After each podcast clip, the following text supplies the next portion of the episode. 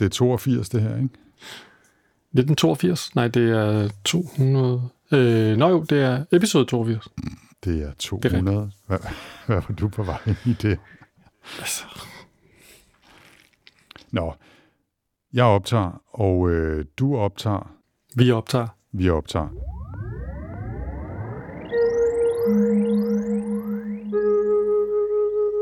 Velkommen til Sci-Fi Snak. Med science fiction. Og med snak. Med Jens Jarl Poder. Og Anders Høgh Nissen. Velkommen til.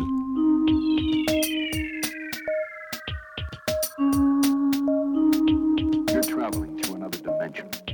A dimension not only of sight and sound, but of mind. A journey into a wondrous land whose boundaries are that of imagination. Your next stop. Sci-Fi Snak. Velkommen til Sci-Fi Snak. Det er episode 82. Det er den, der handler om Katsuo Ishiguros Clara and the Sun. Hej Jens. Goddag den her. Er det sådan, man udtaler det? Jeg synes, det lyder overbevisende, men, men du vil gerne komme med et alternativt forslag, eller? Jeg tror bare, at jeg vil bare sådan måske varsle om, at vi nok kommer til at, at nosse det her op med det her navneudtalelse. Men altså, sådan er det jo. Der er mange måder at sige Ishiguro på. På forhånd undskyld til Lise tidstrænse, som plejer at være efter mig, når vi, når vi udtaler forkert. Ja, det må, vi, det må vi lige med. Jeg, jeg har været i Japan lige præcis nok til, at jeg tror, at jeg kan sige noget på noget, der lyder lidt som japansk. Jeg har hmm. været nok i Japan til at være farlig, lad os sige det. Okay, jeg ser relativt meget anime, så, øh, okay. så, jeg, så jeg, jeg vil også bare... Øh... Dine kvalifikationer er også i top. Jens, før vi fortaber os i, øh, i snak om japansk udtale, så øh, synes jeg, vi skal tage en omgang siden sidst. Og når jeg lige kigger i vores øh, fælles dokument, så er der, der er sket lidt. Ja, ja, ja. Altså måske toppen af poppen var, at øh, vi er jo blevet anmeldt på websitet Superkultur.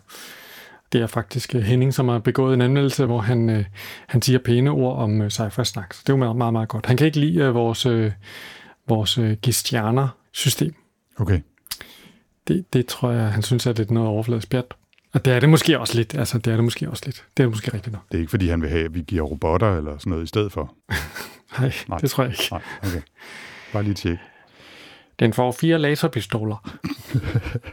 øh, vi skal måske lige sige, øh, at Henning er jo fast kommentator inde på sci og har været refereret rigtig mange gange efterhånden. Hvis man ikke er stødt på ham, så kan man øh, begive sig ind på sci og, øh, og se nogle af hans mange rigtig fine og kloge kommentarer.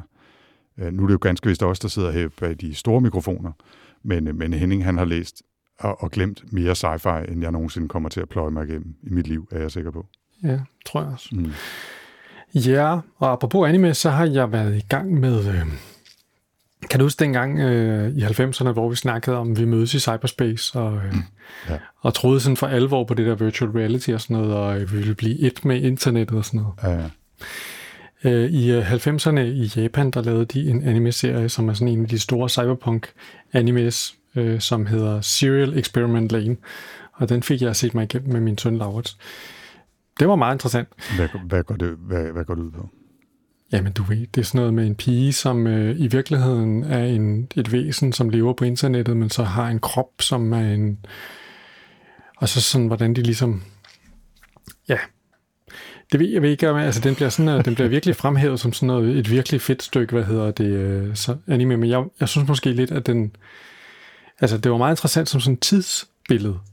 Øh, der var sådan øh, citater af Douglas Rushkoff i, og sådan nogle ting om, at menneskebevidsthed vil blive et stort øh, neuralt netværk og sådan noget, og hvor vi alle sammen ville være noder i, og den sådan noget rigtig sippy øh, tænkning fra 90'erne. Jeg blev helt, øh, jeg blev helt, hvad hedder det, øh, nostalgisk, mm. øh, og tænkte på de gode gamle 90'erne, hvor vi virkelig troede på, at vi var lige et my fra at være lawnmower alle sammen. Ja. Ja, man kan godt blive lidt trist engang når det hele går op i øh, dataetik og, øh, og tech-bashing og øh, giganter, der misbruger deres øh, monopolstatus og alt muligt andet. Ikke? Altså, det var en anden tid der for 20-25 år siden, hvor, hvor internettet var en stor utopisk mulighed for at øh, blive fri og, og befri alle dem, der var slaver af den fysiske verden og alt muligt andet. Ikke? Og Cyborg Manifesto og hele balladen. Ikke? Men øh, det, ja, virkeligheden indfandt sig, må man sige. Ja, det blev knap så, knap, det blev knap så sindssygt. Ja, det gjorde det. Ja. Ja, jeg har øh, taget endnu, eller er i gang med at tage endnu en tørn med en uh, Culture-seriebog af Ian Banks. Jeg er i gang med at læse den, der hedder Look to Windward, som øh, officielt vist nok er nummer syv, men øh, jeg har vist sprunget en novellesamling eller to over, fordi jeg tror ikke, det er mere end den femte, jeg er i gang med at læse, af dem, jeg har læst af Culture-serien. Men måske skulle vi lige give et lille shout-out til Christoffer Appelgaard, som, øh, som vi har fået lukket med på Culture-serien via Twitter Ja. og via sci snak Øh, Han har skrevet, at han har læst øh, Flebas og øh, Use of Weapons, og havde han læst en til? Play of Games. Play of Games selvfølgelig, ja, ja, klart. Din favorit, og den var han også rigtig glad for. Så hej Christoffer, velkommen i klubben. Jamen, jeg fik også helt lyst til det der lange Twitter-tråd, vi havde kørt. Jeg fik helt lyst til at læse noget culture igen. Det er så, Måske ovenikøbet genlæse en. Altså det, altså, sådan en comfort food genlæsning af culture-bog, det kunne være sejt. ja, det, det der slog mig lidt med, med den nyeste her, jeg er i gang med nu, det er, at Ian Banks, han excellerer i to ting, synes jeg. Og den ene er at være fuldstændig crazy fantasifuld i forhold til mærkelige væsener og verdener og underlige konstruktioner og øh, kunstig intelligente, øh, kæmpestore rumskibe og fremmede verdener og mærkelige, øh, hyperintelligente svæveballoner og alt muligt andet. Ikke? Altså det er den ene side af hans genialitet i culture. Og noget andet, som, som Ian Banks kan, som han også dyrker i de bøger, han, han skrev mange af, som ikke var science fiction bøger, men altså var sådan samtidsbøger, det er, at han er enormt god til at beskrive samtaler mellem folk, der er fulde eller på stoffer, og som har gang i et eller andet mærkeligt. Altså, han er, det, det, man kender godt den der samtale, som man står enten selv deltager i en eller anden øh, fordrukken snak, hvor man er meget insisterende alle sammen, men man taler om noget forskelligt, eller på tværs, eller i hvert fald øh, har fået krydset forbindelserne på en eller anden måde. Og det er han virkelig god til at beskrive på en ret underholdende måde, som gør de her, eller som er med til at gøre de her science fiction verdener virkelige og hverdagslige på en rigtig, rigtig cool måde, som mange sci-fi, sci-fi forfattere ikke gør. På godt og ondt, altså det er også fint nok, det skal ikke alt sammen ned på jorden og gøres hverdagsligt, men det er han altså virkelig god til, synes jeg. Så, så jeg kan godt lide Ian Banks, og jeg kan godt lide Culture. Og det kan Christoffer altså også nu. Ja. Altså, jeg har måske en ting, som er sådan lidt uden en tangent, øh, men altså, det er jo tit øh, mange af de her ting, som er, altså noget af det, der er spændende ved science fiction, det er jo nogle af de her forestillinger, det gør sig om mulige fremtider, og, og det er jo sådan et forsøg på at, at fremskrive nogle udviklinger, og sådan, altså det kan man, det kan man gå og, og blive sådan meget tænksom omkring. Øh, og, og en af de trupper, man er sådan vant til at læse om, det er jo en fremtid, hvor det ligesom er corporations, der styrer alting. Det er jo også sådan meget cyberpunk i virkeligheden, ikke? Det er dem, der har alle pengene, de laver, de, de har hemmelig politi og væbnede styrker og alt muligt. Ikke? Altså det er det, når vi kigger fremad, så tænker vi, åh, nationalstaterne, åh, åh, hvordan går det med dem? Og lige om lidt, der er det bare øh, mærsk øh, væbnede styrker, der, hvad hedder det, styrer alting herhjemme, eller hvad ved jeg. Mærsk Yutani. Ja, præcis. Så viser det, øh, vi har, men så er jeg endt med at sidde og læse en bog om det britiske East India Company. Okay. Det er sådan, jeg ved ikke rigtig, jeg, jeg er faldet i sådan noget postkolonialistisk, øh, det, det, det, det øh, rabbit hole.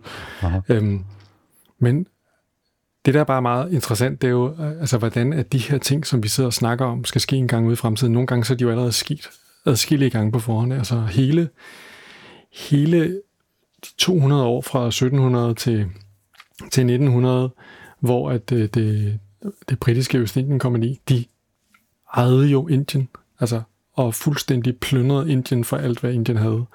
Øh, og havde deres egen hære og deres egen regeringer og alting og ud, ud øh, hvad hedder det, indkrævet skatter og helt lortet.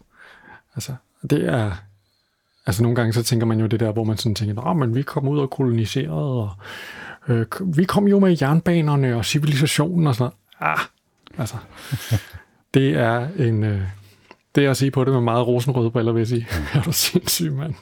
Og det er en, Og det er en ret særlig vildt. bog, du er i gang med at læse, eller?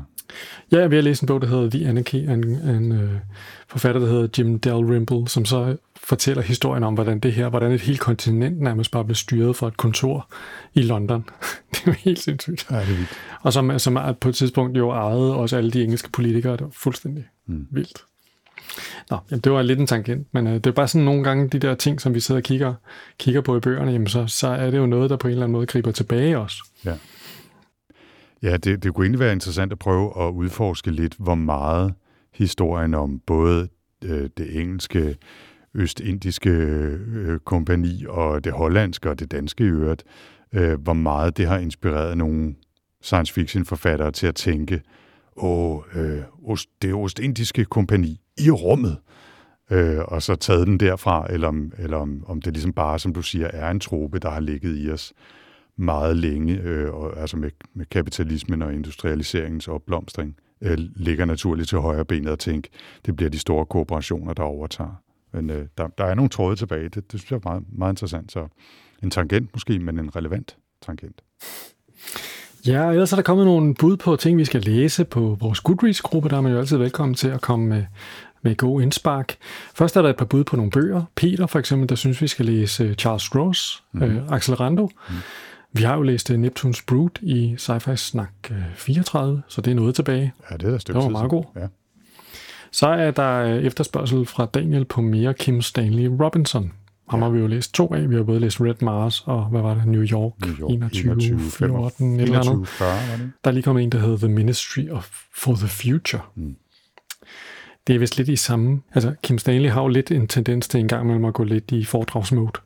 Øh, og, øh, og det skulle vist også... Jeg har hørt, det skulle også være lidt et problem med denne her, at øh, det er ligesom en delvis en roman, delvis handler det lige om, at I skal høre om mine store planer her, hvor- for hvordan vi redder verden. Ja. Jeg har, jeg har lige to kommentarer. Øh, den ene er Kim Stanley. Altså, vi er sådan på for- og mellemnavn med ham nu, eller? Ja. Okay. Men Kim Stanley læste jeg et langt uh, interview med i Wired i forbindelse med udgivelsen af Ministry for the Future. Og, uh, og har sådan en lille smule fornemmelse af, at nu har jeg næsten læst bogen. Øh, men det er egentlig ikke noget, jeg vil klandre ham for, det der, så, den der sæbekasse, han træder op på, fordi jeg, jeg er jo altså 99% enig med ham, og, og håber virkelig, at, at vi kan finde de, øh, potentialer, som han trods alt ser midt i en katastrofal tid. Ikke? Men, men altså, hvis man samler en bog op for at læse noget science fiction, så, så er det jo ikke nødvendigt, fordi man har lyst til at læse en politisk traktat. Så et eller andet sted, så kan jeg godt se det problematiske i lige præcis den form. Ikke? Men, øh, men jeg synes nu, han er, han er klog og har nogle spændende idéer. Og 2140 var jo, øh, synes jeg, ret fed. Altså, ret Ja, fed og den var jo blevet ja. klandret for præcis det samme, og Ja. jeg synes, den var mega fed. Så. Så, ja. så må jeg sige, at vores øh, top 10-diskussion øh, på øh, top 10 dansk sci-fi, det er mere eller mindre øh, det, det er genereret nu. Nu sidder de og snakker om øh, fantasy derinde, så, øh, så her er en opfordring til at komme ind med noget, nogle flere bud på noget, noget, noget dansk sci-fi i den diskussion. Ja, jeg, vil, jeg vil sige, øh, altså fantasy, det, det er sgu ikke lige mig vel, så jeg har ikke været inde og kigge øh, dybt i den der diskussion, og hvis, hvis du siger, at den er degenereret, hvad er lige præcis det samme ord, jeg vil bruge om det til at handle om fantasy, så er det altså heller ikke sikkert, at jeg kommer der. Nej. Øh, jeg, ved, jeg ved ikke, om, om det er på sin plads lige at nævne, at øh, jeg har lige præcis i dag, hvor vi optager, fået en besked, og det har du øh, også, om noget dansk sci-fi, der er på vej. Jeg er slet ikke kommet videre med det. Jeg vil bare sige en lille, en lille hemmelig tak til den, der skrev, og vi skal nok vende tilbage.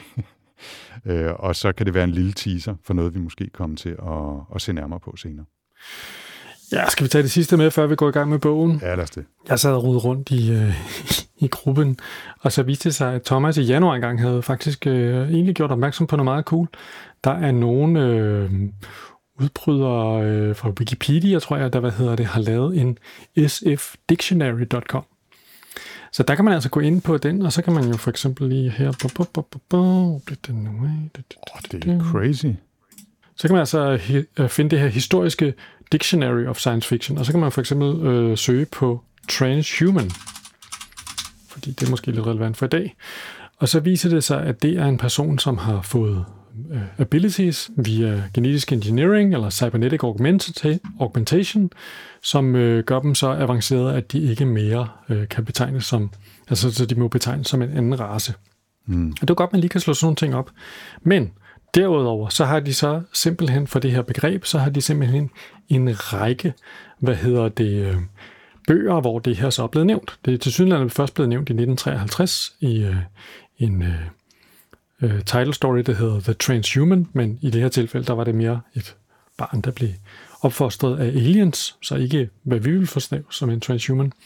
Men jeg vil da godt lige at vise, øh, gøre opmærksom på 1991 i Regis bogen Great Mambo Chicken and Transhuman Condition for to.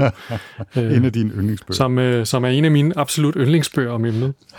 øh, den kan jeg varmt anbefale at læse. Blandt andet indeholder den et øh, kapitel, der handler om, hvordan at øh, Robert C. Truax, ham der opfandt øh, Bell 1, øh, raketmotoren på, hvad hedder det, lyd, øh, lydgennembruds øh, flyveren Bell Exit.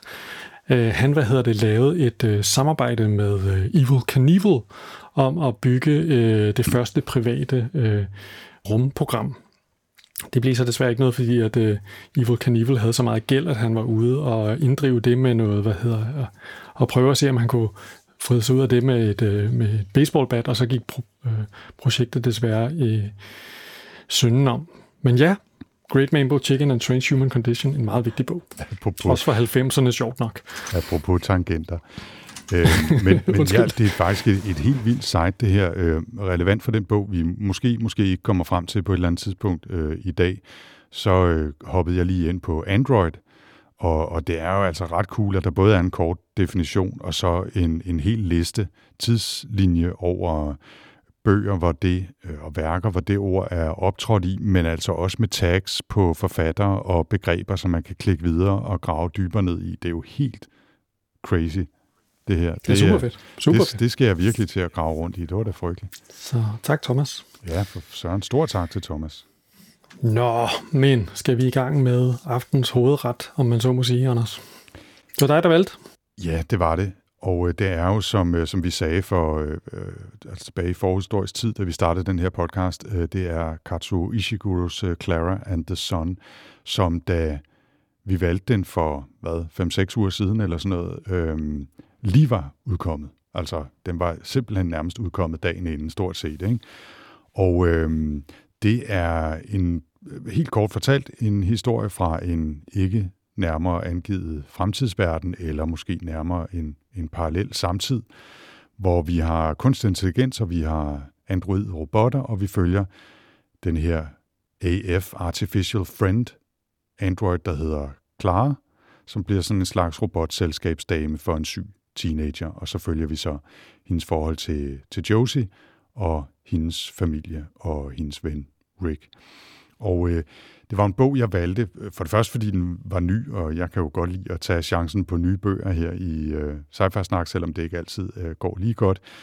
Men jeg valgte den også, fordi jeg har læst to Ishiguro-bøger tidligere, og, øh, og synes, de var rigtig, rigtig fede. Øh, og så havde han altså fået en Nobelpris i 2017, og det er hans første bog siden den pris, og øh, det kan man jo godt kigge lidt med fladet for, øh, for folk, der skriver sci-fi og har fået mm. Nobelprisen. Også selvom det ikke altid det er 100% heldigt øh, at, at sammenstille de to. Ikke? Øh, jeg gravede lige i arkivet og så, vi jo læste øh, Shikasta af Doris Lessing i øh, episode 63. Hun fik Nobelprisen i litteratur i 2005, og vi var jo ikke super glade for Shikasta, må man sige. Ja, mildstalt, mildstalt. Nej. Men altså, jeg troede jo faktisk, han var en, øh, en japansk forfatter, men det er han jo ikke. Han er faktisk øh, Altså, han er født i Japan, men det er også det meste af hans liv, han jo boede i Storbritannien. Ja, han øh, er født i Nagasaki faktisk, og kom til Japan som, øh, som femårig i 1960, ifølge Wikipedia, internetsejtet, der aldrig lyver. Og, øh, og så har han jo ellers øh, begået sig primært i en eller anden grad historisk eller samtidslitteratur. Øh, de fleste mennesker, som har stødt på øh, Ishiguro er jo nok øh, stødt på ham i virkeligheden gennem en filmatisering af en af hans bøger.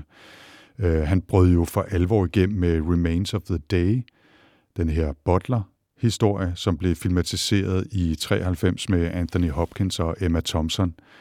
Og både bog og film er virkelig, virkelig gode. Jeg, jeg så filmen først, og jeg er helt vild med den film, og jeg har set den fem gange. Og bogen har jeg også læst to gange. Den er, den er også helt fantastisk. Det er et af de der sjældne tilfælde, hvor en filmatisering virkelig er lykkedes, og virkelig har nælet ånden og stemningen i en bog, synes jeg. Mm. Øhm, jeg ved ikke, hvad dit forhold er til, til Remains. Øh, men... Jamen, jeg har kun set filmen, men altså, da jeg læste uh, Clara and the Sun her, så tænker jeg også netop det der med at sige, prøv Altså, det, det er fuldstændig samme på en eller anden måde stemning, den har. Altså, han er sådan ligesom sådan en mester i små fortællinger, som, som gør sådan et kæmpe følelsesmæssigt indtryk på ham. Altså, ja. i Remains of the Day, der sker jo ikke en hat, og alligevel er det som om, at det er en græs tragedie, man står med i hænderne til sidst. Ikke? Ja, i, altså, det... Nu skal vi ikke fortabe os i Remains of the Day, men, men en af de fantastiske detaljer er, øh, da øh, hovedpersonens far, som også er butler, bliver så gammel, at han ikke rigtig kan længere, og skal stå og servere øh, sovs, eller hvad det er, og så, så sveder han så meget, fordi han er, han er altså 85 og er helt opbrugt, og han har sikkert ondt alle vejen, og sådan noget. Kommer, er der en lille sveddråbe fra hans næse, der ryger ned i sovsen, eller et glas vand, eller et eller andet. Og det er jo, altså det er jo et eller andet sted så fuldstændig afsindigt ligegyldigt, ikke? men det er jo totalt, som du siger, tragisk og pinligt, og det er skamfuldt, og han prøver ligesom at få sin far ud af rummet, uden at der er nogen, der opdager, hvad der er, der sker. Det er helt, altså en masse af sådan nogle små scener, og man er helt knudet inde i, hvor indebrændt han er i al sin pligtopfyldenhed, ham butleren der. Nå, men... Mm. Altså, det, er jo ikke, det her det er ikke sådan en uh, rumopera, hvor der sker de vilde store ting. Vel? Altså, det er den meget lille fortælling. Øh, men, men, men på samme måde har den her et ret stort følelsesmæssigt indtryk. Det gjorde den i hvert fald på mig. Øh, man ser den her verden ja, gennem. Noget af det, der er spændende, det er jo, at man... Øh, altså, du, du har fortalt ikke, det handler om, at, øh, at verden øh, er på vej mod sådan en... Den er ved at udvikle sig. Robotterne øh, fylder mere og mere. Kunstig intelligens fylder mere og mere. Menneskene er væsen og, og hvad kan man kalde det, forbedrer sig selv med noget genetisk manipulation. Og øh, de her kunstige venner, jamen det er sådan et, en, noget, som, som forældre køber til deres, deres øh, transhumane børn, som er på vej til at blive en ny generation af, af forbedrede, mere intellektuelle og kloge børn. Øh, og, i, og i samtidig så, så bliver de holdt hjemme og bliver hjemmeundervist, så de er meget sådan ensomme i virkeligheden. Øh, og, og slet ikke vant til at interagere med andre. Mm. Øh, men det, der er så spændende ved den, det er jo, at vi oplever historien her fortalt med en første person, som er klar. Mm. Og hun er jo en øh, meget elskelig og meget kvik androide, mm. men jo også, øh, der er mange ting, hun ikke forstår øh, som vi forstår som læsere. Vi forstår jo godt, hvad der sker. Ja. Og det er med til at gøre det her til en, en, en ret fantastisk take på det her med, altså det er jo en klassisk historie, kan man sige, om, om hvordan bliver vores forhold til androider, når vi får sådan nogen, og hvordan vil vi reagere på dem, og hvordan vil samspillet være. Ikke? Altså det er jo lige fra Blade Runner til til, hvad hedder det, vi læste, hvad var det, han hed, Ian McEwan? Ja, Ian McEwan, Machines Like Me. Machines Like Me, ikke? Altså, det er jo sådan en, det er en, nærmest en genre, øh, ja. en subgenre i sci-fi, ikke? Øh, og her, der, det, jeg tror, det, det her med at læse det på den her måde, og, og, og opleve det i, hvad hedder det, i Klares historie, ja. og genfortalt af Clara, det synes jeg er ret fascinerende. Ja.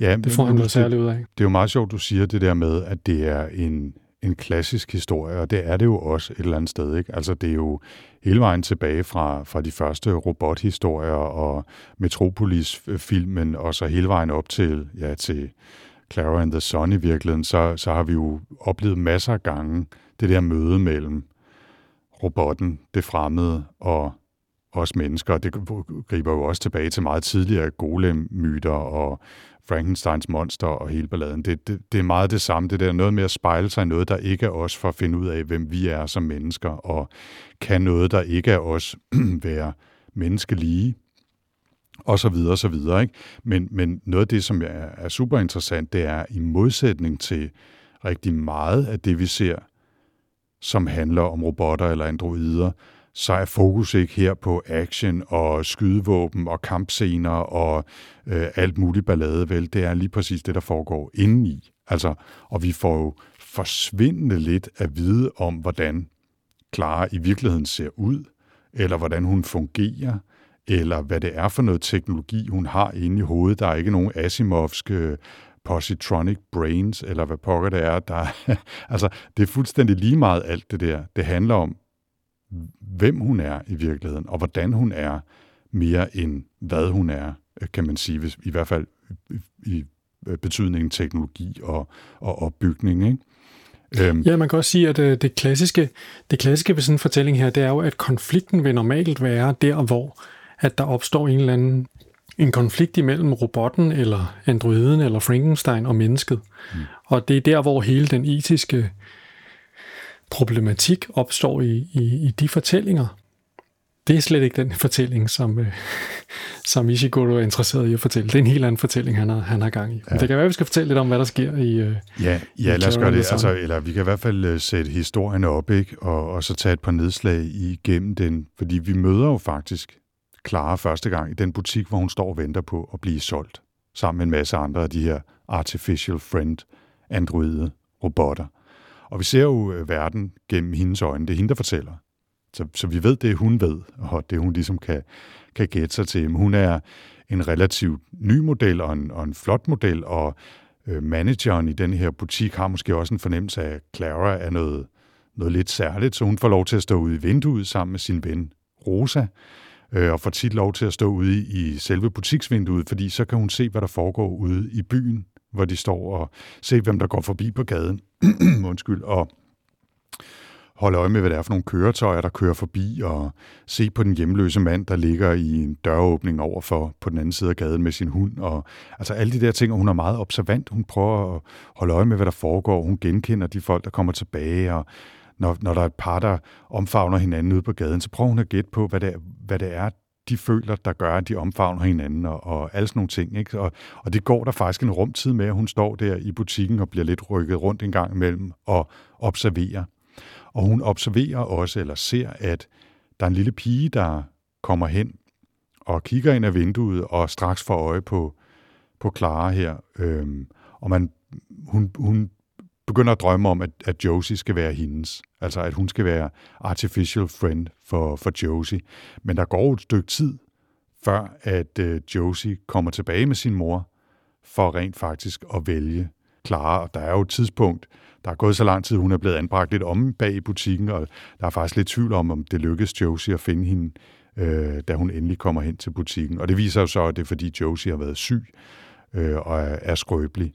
Men, øh, men, men ja, den her del af historien er meget sjov, fordi den ligesom har sådan en... Det er lidt ligesom sådan en børnehjem, de er på, ikke? De venter på at blive adopteret. Mm.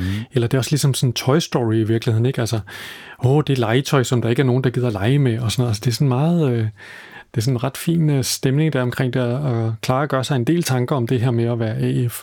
Ser på et tidspunkt, ser hun et, øh, øh, en AF, der kommer gående to meter bag et barn øh, ude på gaden, og, og hun er meget sådan fortvivlet over, og jeg tænker over, hvad, hvad kan det måtte være, der gør, hvad hedder det, at, øh, at de endt øh, det her i sådan en frygtelig situation, at, at, at AF'en og barnet ikke kan sammen og sådan noget. Mm. Vi, vi sidder også som læsere og tænker, åh nej, det her der kommer til at gå rigtig galt. Ikke?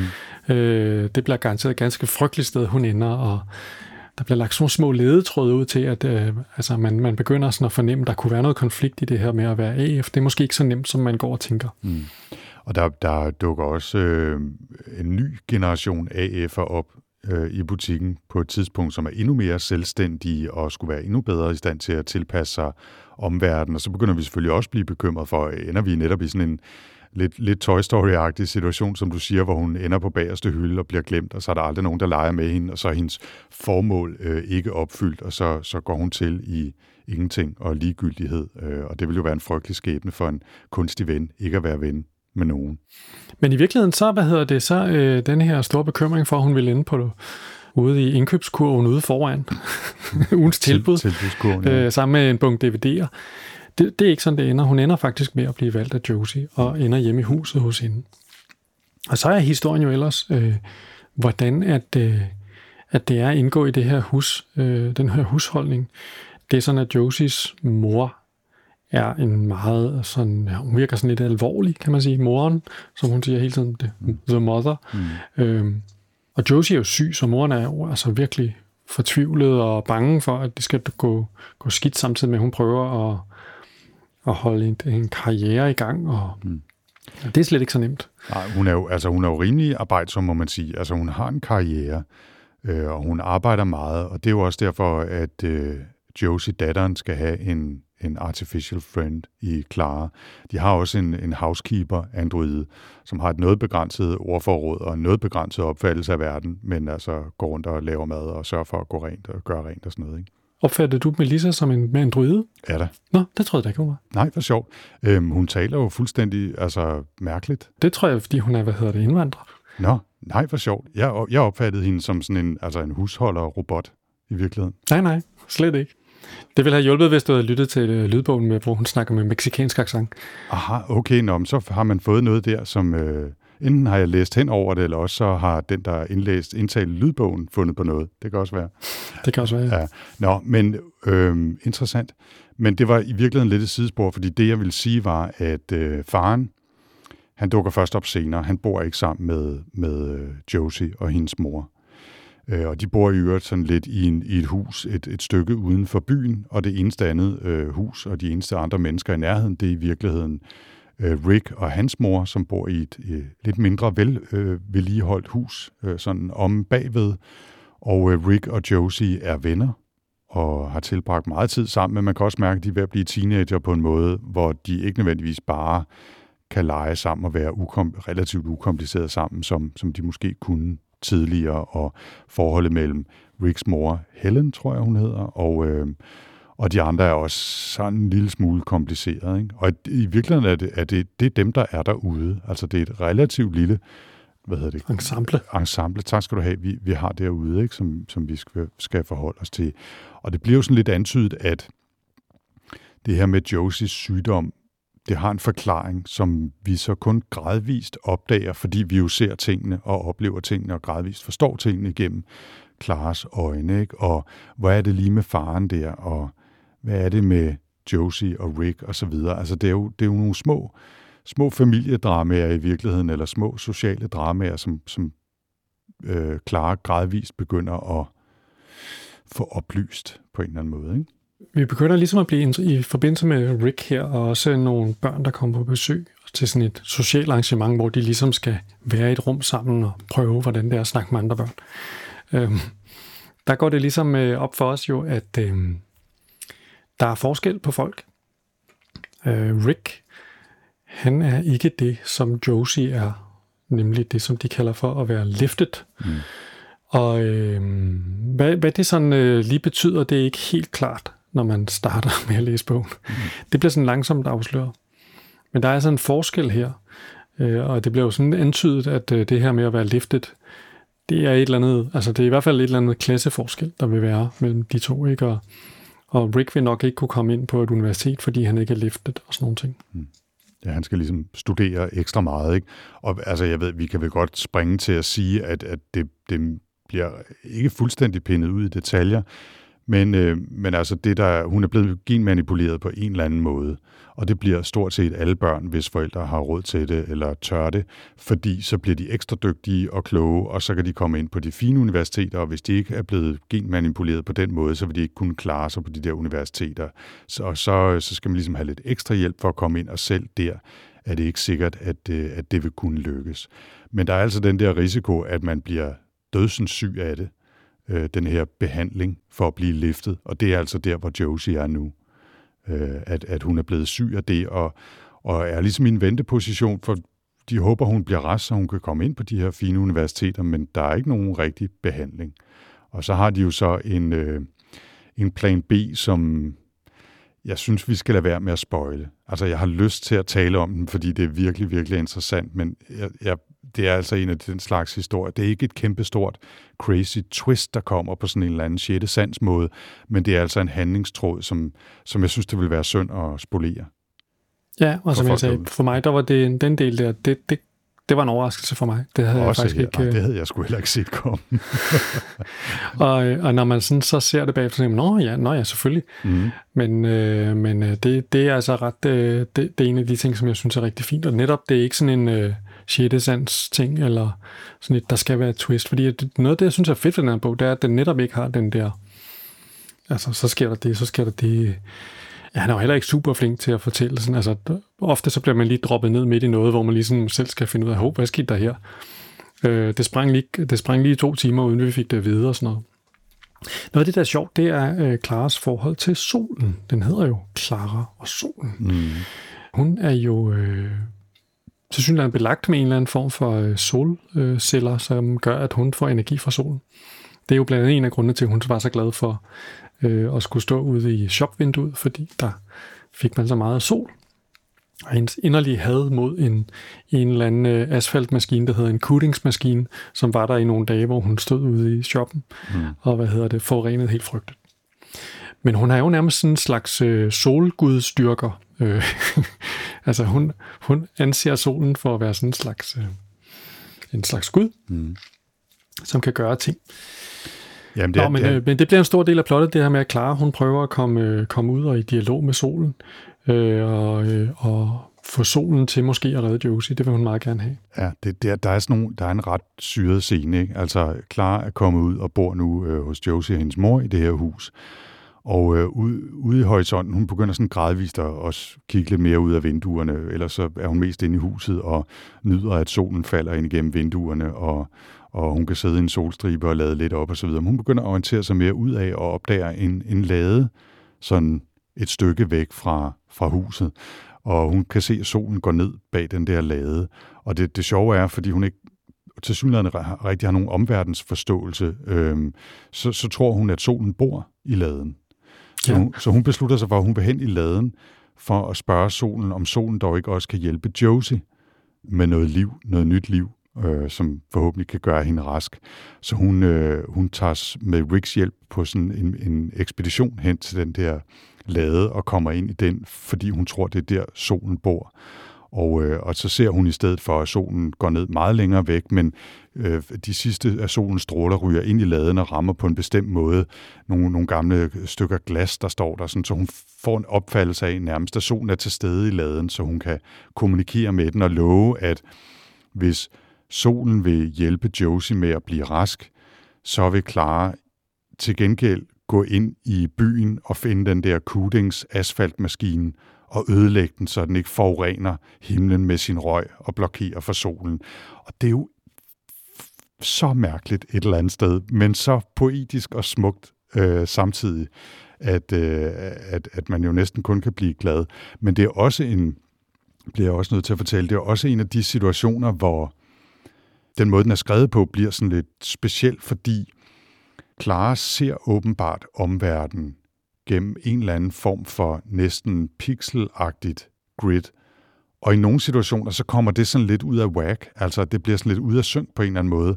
Så, så ting, der er i et en del af hendes synsfelt overlapper med noget, der er i noget andet, og det er ligesom på forskellige afstande fra hende og sådan noget. Det er som om hendes syn sådan altså pixelerer lidt og blaffer lidt, og ikke rigtig kan orientere sig i omverdenen, og så ryger det tilbage igen. Og det, det får han altså beskrevet også i tekst, som man er i gang med masse lidt, hvad fanden ser hun egentlig på? Ikke? man altså, hvad fanden sker der? Det, det er fuldt, det er, altså nærmest sådan, øh, altså sådan en, man kan nærmest forestille sig sådan en saplyd, og, og, og billedet sådan, øh, begynder at vibrere, ikke? og så, og så kan hun fokusere igen. Ikke?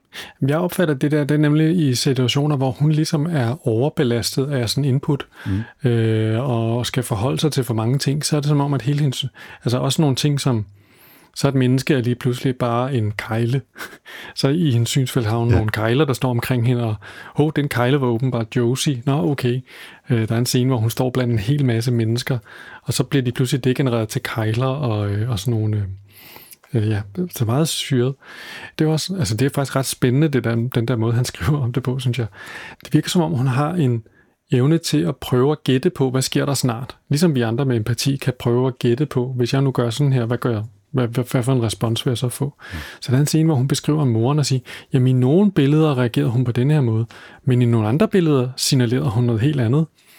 Altså så enten er det hendes måde at forstå, at der kan ligge flere, at man kan have flere holdninger, altså man, man kan ligesom være dobbelt i sin i sine signaler, mm. eller også er det hendes måde at sige, jamen i, måske kan reaktionen, øh, den fremadrettede reaktion være mange forskellige ting, og hvad er mest sandsynligt. Altså det er sådan meget, ja. Det er ret fedt lavet, synes ja. jeg. En interessant ting er også her, at nu kan det måske lyde, når vi fortæller, at Clara hele tiden observerer og ser, hvad der sker, og hun analyserer ligesom forskellige billeder af moren her, hvordan hun har reageret på forskellige måder. Hun prøver at analysere sig frem til, hvad det er, moren eller andre personer føler. At hun så selv ligesom er sådan en, altså en, en forvokset lommeregner. Og det er hun jo overhovedet ikke. Altså, øh, der var et fint citat, jeg læste i en, i en anmeldelse, som, som jeg også øh, selv havde highlightet, ikke? Hvor, hun, hvor Clara siger, I believe I have many feelings. The more I observe, the more feelings become available to me. Altså, og det er ikke bare, at så kan hun genkende flere følelser, det er også, så kan hun selv føle flere følelser. Fordi hun er virkelig investeret, også på et følelsesmæssigt niveau. Hun er ekstremt empatisk i forhold til Josies sygdom, i forhold til morens og Josies forhold osv. osv. Altså, og hun bliver mere og mere, altså virkelig bliver hun mere og mere menneskelig efterhånden, som historien øh, skrider frem, og hun oplever mere og mere af verden. Ikke? Jo, eller man kan i hvert fald sige, at hun bliver næsten sådan en... Altså, der er jo mange menneskelige følelser, som hun ikke føler. Mm. Altså, Øh, vi vil jo sidde og vente i sådan en druidehistorie på, hvornår er det, vi skal se noget aggression.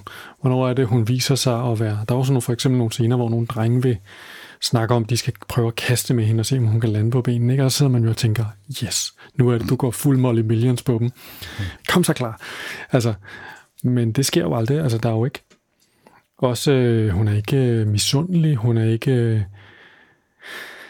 Øh, hun bliver ikke ked af det. Altså, vi bliver ked af det på hendes vegne, når øh, hun på et tidspunkt, hvor hun, øh, der kommer en periode, hvor hun bliver en mindre central del af familien, kan man godt sige. Mm-hmm. øh, og så skriver, så fortæller hun, øh, ja, det var den periode, jeg opdagede The Utility Room. ja. Og så har hun altså en periode, hvor hun primært op, opholder sig inde i kosteskabet, og kig, for, men der er så heldigvis et sted, hvor hun kan stå og kigge ud af vinduet og kigge ud på solen, og så er Clara jo glad. Ja. Øh, hun er utrolig øh, low maintenance, kan man sige, ikke? Øh, som de vil sige, when Harry met Sally. That Clara, she is low maintenance. Ja, hun formår at gå i sådan en slags øh, mental dvaletilstand i virkeligheden, ikke? Hvor hun bare kigger ud af vinduet og, og bliver skinnet på af, af solen, sin Gud. Øhm, der, der sker jo, øh, som vi antydede før, nogle ting, som jeg ikke synes, vi skal gå ned i, men øh, faren dukker op igen, kan jeg sige.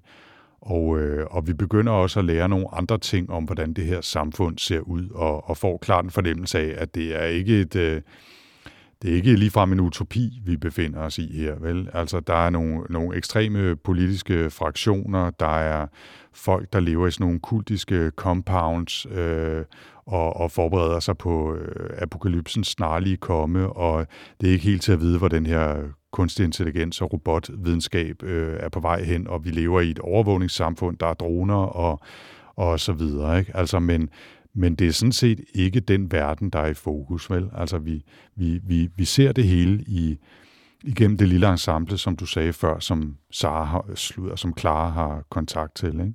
Øhm, så, så det er sådan set ikke, der er ikke særlig meget worldbuilding i det her, andet end i den meget basale forstand, at Clara er i gang med at opbygge den verden, hun lige har adgang til. Ikke? Jeg, jeg øh, satte mig i forberedelsen til det her, Jens, og, og skrev en række spørgsmål, som dukkede op i hovedet på mig. Og, øh, og det slog mig, at øh, en af grundene til, at jeg synes, det her er en rigtig god bog, det er, at den fik spørgsmål til at dukke op i hovedet på mig. Og ikke bare sådan nogle, hvordan fanden kom de derfra og derhen til, som det nogle gange kan være i andre bøger. Ikke? Og det, det eneste, øh, jeg kom til at tænke på, det var, hvor gammel øh, Clara er sådan mentalt. Om hun er jævnaldrende med Josie, eller om hun er mere naiv, barnlig, eller om hun er en, en, vis, en vis gamling, eller, øh, om, eller om måske i virkeligheden hun er en, mere en slags tøjdyr end et menneske med en alder. Altså en, et tøjdyr i forstanden, et, et væsen uden en bestemt alder, men som bare er på, altså har en bestemt personlighed, kan man sige. Øh, altså, det er jo ikke, fordi du skal sidde og svare på det, men det var bare, jeg tænkte, hvem er hun egentlig i den forstand? Nå, men på nogle punkter er hun jo utrolig observant og er i stand til at forstå ting. Altså, også øh, hvor at vi måske vil være hurtige til at bedømme folks adfærd udefra, om det, de gjorde, var der angreb på os selv, eller så er hun jo ret god til at sige, øh, jeg tror, at Ricks mor reagerer på den her måde, fordi at Ricks mor måske også er bange for at blive ensom. Altså, hun er, altså på den måde er hun næsten psykologagtig i sin evne til at gennemskue menneskers øh, følelser og, og måder at være på. Mm. Øhm, men på nogle andre punkter er hun jo utrolig naiv. Ikke? Hun har ikke hun har ikke særlig meget kynisme øh, i sit liv. altså, hun tror bare, altså på den måde er hun jo et barn, ikke? Hun er ligesom mig, da jeg var ung og troede, at bare vi kunne få det der øh, atomkraftværker lukket, så vil hele verden blive bedre. Ikke? Altså, ja, ja. Det er jo sådan lidt på samme måde med hende. Hun, øh, hun, er sådan, hun har sådan ret simple forestillinger om, hvordan verden hænger sammen. Et andet spørgsmål, der dukkede op i hovedet på mig, som har mere med handlingen og, og handlingens udvikling at gøre, det er, at som vi nævnte, så laver Clara jo den her plan, øh, den her kontrakt, hun indgår med solen om, at hun vil ødelægge en asfaltmaskine inde i byen, hvis solen vil hjælpe Josie med at blive rask. Og øh, Clara vil ikke fortælle moren eller Rick, hvad det egentlig er, den her plan går ud på. Hun siger bare, at hun har en plan, som skal hjælpe Josie. Og jeg fatter simpelthen ikke, hvordan moren og resten af familien bare ligesom siger, Nå, klar, det lyder da spændende, lad os, jamen, lad os bare gøre, som du siger, og så gør du bare, hvad du har lyst til, og så kan det være, det hjælper øh, Josie. Om det er, fordi de bare fejrer det hen, fordi hun er et barn, som de tænker, om hun har bare sådan nogle tågede planer, hun ved ikke, hvad hun virkelig gør, eller hvad fanden det er, der foregår. Det, det synes jeg var lidt mystisk, når vi nu tænker på øh, interpersonelle relationer og alt muligt andet, som virkelig er i fokus i den her bog. Så, så var det en, en, en reaktion eller en handling, som jeg ikke forstod. Men, ja. Jeg opfattede det som om, at de tænkte, at Clara, i og med hun var sådan et højteknologisk vidunder, havde adgang til noget viden om nogle muligheder for noget frelse eller noget helbredelse, som de ikke vidste noget om. Mm. Som om, at hun havde noget insiderviden, som de ikke havde. Det, det var sådan, jeg forstod det. Ja. Øhm, og ikke denne her, øh, denne her øh, solkultsplan, øh, som hun så i virkeligheden havde lagt. Ikke? Hvis, jeg, tror, hvis, jeg tror, hvis hun havde sagt, prøv nu skal du høre, jeg har haft en snak med solen nede i en lade, ja. øh, og, øh, og det vi har aftalt, at hvis jeg udlægger en asfaltmaskine, så øh, helbreder solen Josie. Så det kunne nok forstå, at øh, det, skal vi, det skal vi gå videre med den plan. Ja. Så jeg er ret sikker på, at, øh, at, øh, at moren nok havde hævet øjenbryn og tænkt, ah. Ja, det er nok rigtigt. Øh, det ville jo så, øh, om det rent, rent faktisk også er en magisk realistisk bog, om det rent faktisk er solen, som redder Josie, det er jeg meget spændt på. Mm. Altså, hvad du synes? Jeg, jeg tror ikke, at det er det, der ligger i historien. Altså, jeg, jeg tror ikke, det er en, en magisk realistisk historie. Nej, det tror jeg heller ikke, men på ja. en eller anden måde, så er det jo alligevel... Det, hvis man bare læser det, der står på siden, så er det jo som om, at det sker, men det kan også være, det, fordi det er klart, der genfortæller historien for os, og så synes hun, det hænger sådan sammen. Ja, netop. Det, det, det tror jeg måske i højere grad. Ikke? Men, det, men det, det, det fede er, at det er en bog, hvor man stiller sig selv spørgsmålet. Altså, øhm, jeg har lige to hurtige spørgsmål mere. Det ene er, det er det, som på engelsk hedder nitpick, ikke? Øh, og det er apropos, at øh, familien måske tror, at Clara har adgang til noget højteknologisk viden og et eller andet. Ikke?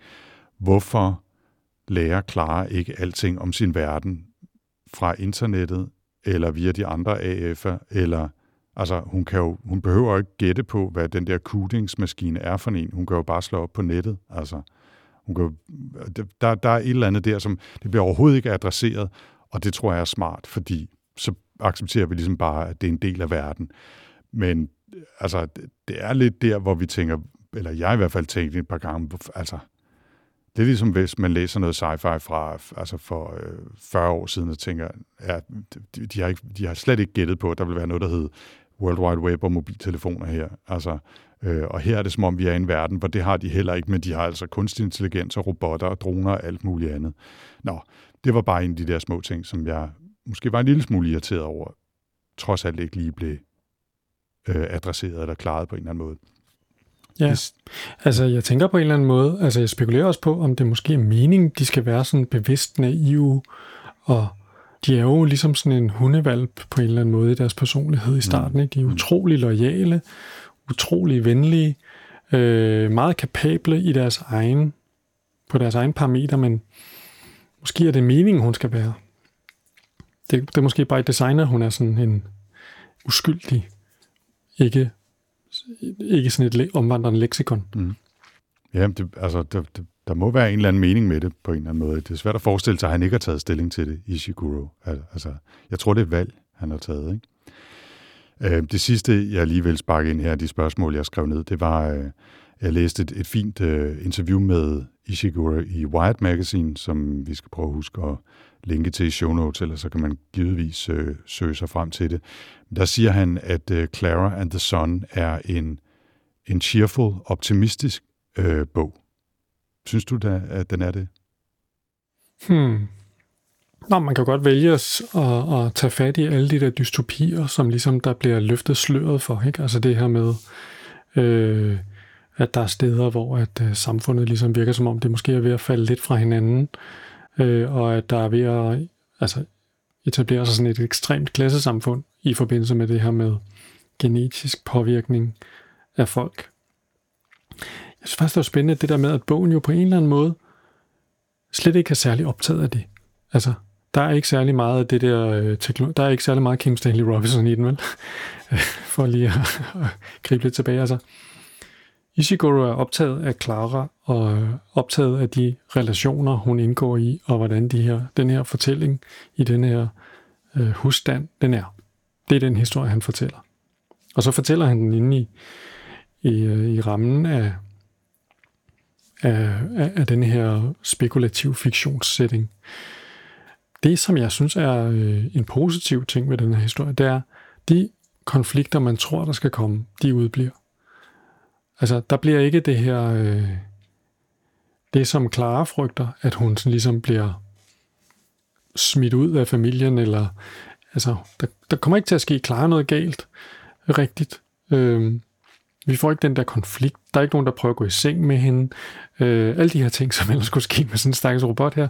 Der er ikke nogen, der udnytter hende. Øh, Selvom hun kommer til at stå lidt i skabet nogle måneder. Men... Ja, ja, men altså... Hmm. Men, men igen, jamen det gør åbenbart ikke klare noget. Hun er ikke ked af det. Det er os andre, der sidder og læser og oplever igennem Klares øjne og tænker, hvis det var mig, så ville jeg skulle blive sur. Mm. Men det bliver Clara åbenbart ikke. Hun synes bare, det mm. alting er så godt, og hun har været så glad, og Altså det, det øhm, så på ja. den måde kan man jo godt se det som en, his, øh, en historie, som jeg kan ligefrem kalde den optimistisk, men, men det er da en meget positiv historie om, altså det er en af de mere positive androide-historier, jeg nogensinde har læst. Ja, men, men en tanke, der lige slår ned i mig nu, øh, det er, at det tænker jeg nemlig i virkeligheden også er positiv. Hun er så positiv hele vejen igennem, eller hun, hun begynder ikke at gå amok, eller og vi kan også hun sige, sige at, øh, øh, hvordan kan jeg formulere det, hun ender et sted til sidst, som i virkeligheden er en, en den samme situation, som da hun blev anbragt i det der skab. Og det er hun egentlig ikke fortørnet eller sur over. Det er ligesom bare hendes verden. Og så tænker jeg, hvis jeg skal twiste den, eller twiste twistet, eller hvor mange øh, drej af skruen vi nu er ude i her, ikke? men altså, er det en, en syg menneskelig fantasi at konstruere robotter, som er ligeglade med, at vi i virkeligheden ikke behandler dem særlig pænt og bare sætter dem ind i et skab, når vi er trætte af at lege med dem. Altså, det er jo i virkeligheden heller ikke særlig pænt af os at gøre det. Men så kan man sige, hvis vi har konstrueret dem, så de er ligeglade med det, så er det vel okay, eller hvad? Altså, man, man, kommer, man kan komme ind i sådan nogle øh, spiraler af tanker over, hvad, hvad er forholdet her mellem mennesker og de her androider, og hvad, hvad er det for nogle følelser, de har, og har de dem rigtigt, og så videre. Det, det, er jo, det er jo noget af det, der gør den interessant, kan man sige, og at vi sidder og snakker om den her nu på, hvad, 50-20 minutter, eller noget af den stil, ikke? Ja, og, den spiller jo på det, ikke? Altså, øh, jeg er da sikker på, at, hvad hedder det, øh, at øh, Ishiguro har set Toy Story 2, ikke? Med, hvad hedder det, Jessie, der, hvad hedder det, sidder og synger, dengang jeg var elsket. Mm. Altså, og det, er jo, det spiller jo på de der ting, ikke? Og vi, vi tænker på Pinocchio, øh, fortælling, ikke? Om øh, dukkemageren, der laver sin, en søn til sig selv. Og... Det er jo interessant, at du lige nævner den. Vi har, vi har nævnt uh, Toy Story, uh, og vi nævnte også øh, Ian McEwans Machines Like Me, som vi jo læste for ah, hvad, 8-10 episoder siden, eller sådan noget den stil. Uh, også, også en ganske fin bog. Uh, derudover så vil jeg lige nævne i, hvad den her minder os om, kategorien, uh, Her-filmen, uh, Spike Jones' uh, film med Joaquin Phoenix og um, Scarlett Johansson som, som stemmen i den kunstige intelligens, som øh, han forelsker sig i, styresystemet på hans nye computer. Øhm, og, øh, og så har øh, nævnt jeg i vores øh, top 10 øh, seriesnak jo den svenske serie, der hedder Ægter Mennesker. Øh, og den har også noget af det samme, det her ekstremt hverdagslige øh, i historien om androider og næsten menneskelignende øh, robotter. Og øh, AI-filmen, øh, Steven Spielbergs øh, filmatisering af AI har også lidt af det samme. Øhm, og så, så fik jeg slet ikke i starten nævnt Never Let Me Go, som er Ishiguros øh, anden lidt sci-fi eller old history-agtige roman, som øh, handler om en verden, hvor kloning er blevet normalt, og, og det man så har brugt det til, det er, at øh, man får lavet en klon, hvis man er rig nok, og så har man et par backup-organer, hvis øh, ens egne øh, bliver dårlige, eller hvis man bliver syg. Og øh, det bruger han så til at fortælle en historie, ikke om det store dystopiske samfund og kloning og ballade, men om de sociale relationer mellem de kloner, som vokser op og går i skole, og kun gradvist opdager, at det er det, der er deres rolle i livet. Det er på et eller andet tidspunkt, så ringer telefonen, og så skal de altså aflevere første nyere, så måske nogle lunger, og de bliver gradvist mere syge og ligger på sådan nogle hospicer og dør måske som 20 år eller et eller andet, når deres, deres rigtige menneske, havde han sagt, øh, skal bruge dem. Og, og det er på mange måder øh, to bøger, der minder utrolig meget om hinanden, ikke? altså Never Let Me Go og Clara, altså i det lille menneskelige drama, som udforsker nogle nye teknologiske muligheder på en måde, som er ret unik, synes jeg. Yes. Skal vi øh, snærpe os i retning af en øh, karakter her? Ja, det synes jeg. Okay, du får lov at lægge ud. Jamen altså, jeg, jeg vil godt øh, kaste et fuld, øh, et fuld sæt stjerner til øh, Katsuo Ishiguro. Jeg synes, det her var en mega fed bog. Mm. Altså, det er ligesom sådan, altså jeg synes, den var, nu nævnte du øh, Ian McEwan's uh, Machines Like Me. Jeg synes, denne her bog, den er så, altså det er så elegant øh, vævet, det her. Altså, og når jeg kigger tilbage på Machines Like Me, så tænker jeg, at det er sådan en, øh, en grov øh, kornet sweater, der er strikket med fødderne. Altså, jeg, jeg synes, han øh, får sin fortælling utrolig øh, fint formidlet til os. Øh, ja, alle de her karakterer er spændende karakterer, der opfører sig på interessante måder. Og Clara som fortælleren, det synes jeg simpelthen bare er, altså, jeg synes, det er genialt. Mm. Altså den måde, hun fortæller, og man oplever igennem hende, og man sidder og sidder som, som sådan en øh, øh, sur øh, djævel på skulderen, og siger, Ej, det skal du sgu ikke finde dig i, klar. Altså helt ærligt, agtig, altså nogle gange, ikke? Og, og så samtidig synes jeg, at jeg må indrømme, at det er noget af, at vi, altså det, jeg synes simpelthen det her med, at han undgår at falde i den normale fortælling, det synes jeg simpelthen bare er så fedt. Altså det er ligesom sådan et nys, man ikke får nyst, kan være kraftigere end det rigtige nys. Altså det er sådan, altså det, er sådan han, det piger hele tiden. Det man tror skal ske. Men det er kun noget, man selv bringer ind i den her fortælling. Det findes ikke nogen steder. Altså det er virkelig, virkelig. Og jeg var meget begejstret. Jeg synes, mm. den var rigtig god. No. 100% anbefaler man at få læst den her. Mm. det jeg så vil sige, det er, at man skal ikke starte med, øh, altså jeg startede med at lytte den på Mofibo, øh, hvor man kan lidt lytte den gratis. Og den synes jeg altså var frygtelig. den højtlæsning der. Så der er jeg, endte, jeg endte faktisk med at købe en engelsk øh, lydbog for penge, selvom jeg havde den gratis ved siden af, fordi jeg kunne... Og så synes jeg, det var mega fedt. Og, og den engelske øh, lydbog er ret god. Jeg læste den også ved siden af også. Jeg skifter jo lidt mellem at læse og lytte, mm. når jeg ly- kommer igennem bøger. Det var mig. Hvad tænker mm. du, Anders? Jeg havde en næsten eksistentiel krise over den her bog, bliver jeg nødt til at sige. Øhm, jeg har givet den fire stjerner på Goodreads og ikke fem stjerner. Og ja, altså, alt i mig skriger, fordi jeg har virkelig lyst til at give den fem stjerner.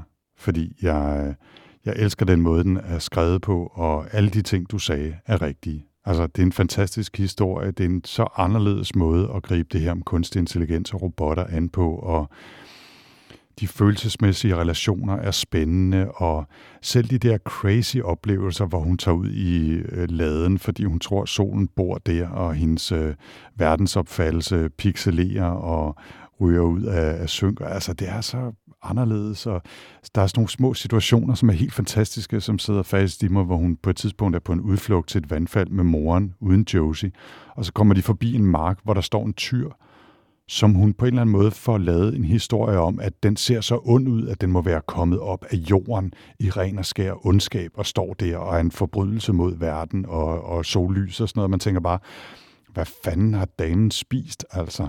Og alle de der ting er fantastiske.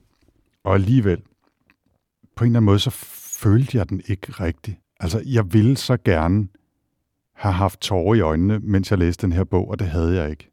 Og jeg ved, han kan det, fordi jeg havde det, da jeg læste Never Let Me Go, og jeg havde det begge gange, jeg læste Remains of the Day.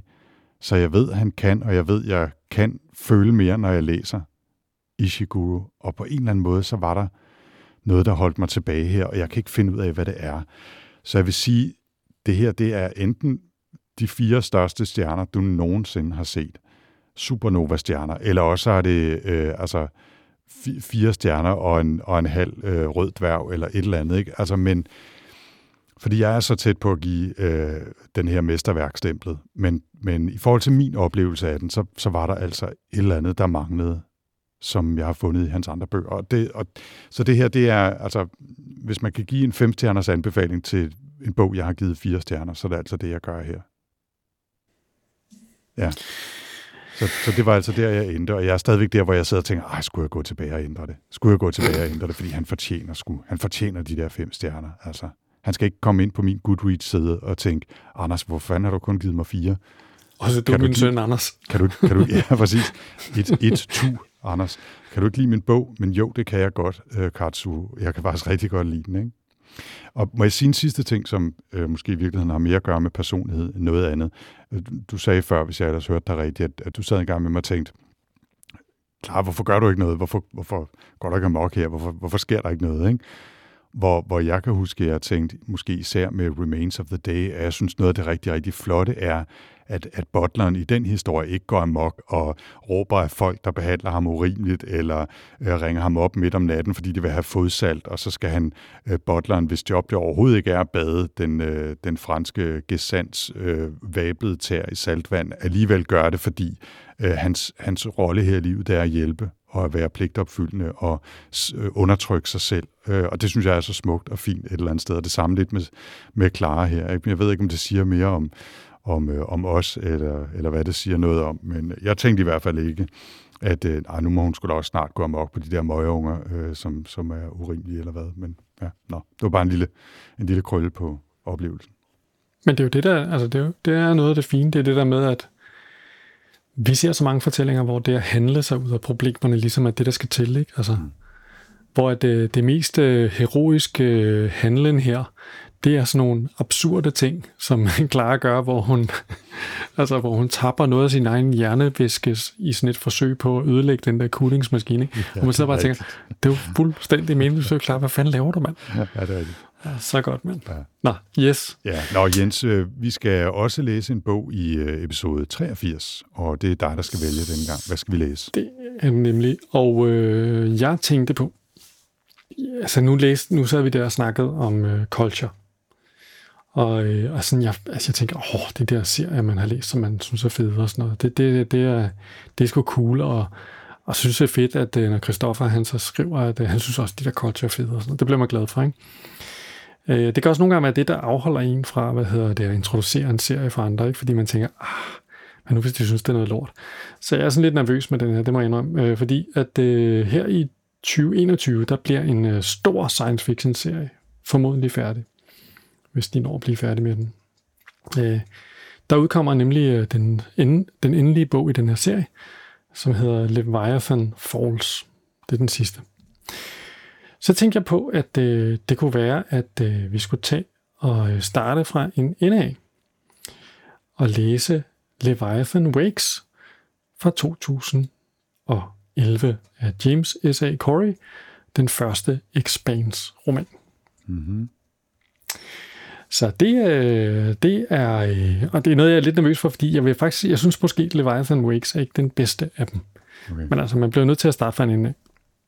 Og så kan du jo så kan du se, hvad er det, det hele handler om, alt det der, øh, folk har gået og snakket om. Aha.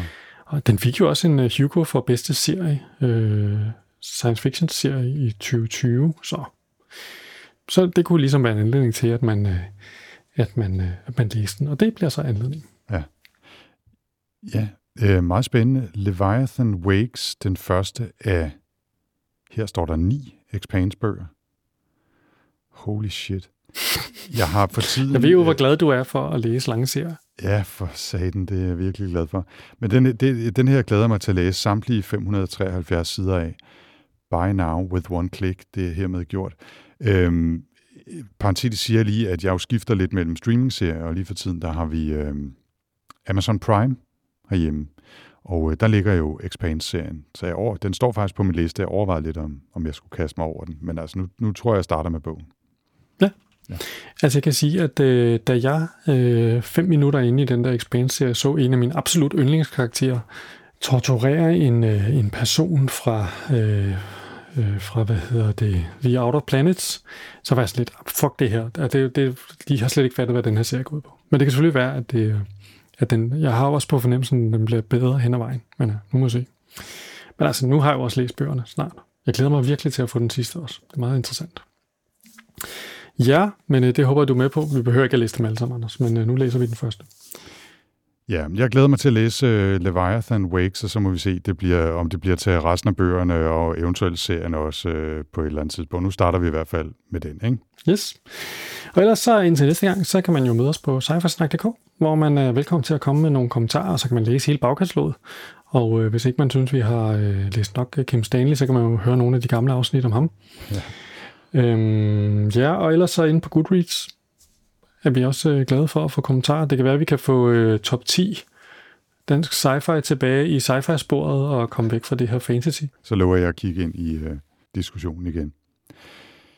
Indtil da, så øh, vil jeg bare sige tak, fordi I lyttede med på den her, tror jeg, rigtig lange episode af, af Sci-Fi Snak. Men det var, fordi det var en, øh, en rigtig god og interessant og spændende bog. Jens, vi øh, tales ved om ikke før, så i hvert fald i episode 83, hvor vi skal snakke James A. S.A. Corey, Leviathan Wakes. Kan du have det godt så længe? Ja, i lige måde, det glæder mig til. Ha' det godt du. Hej! Hej.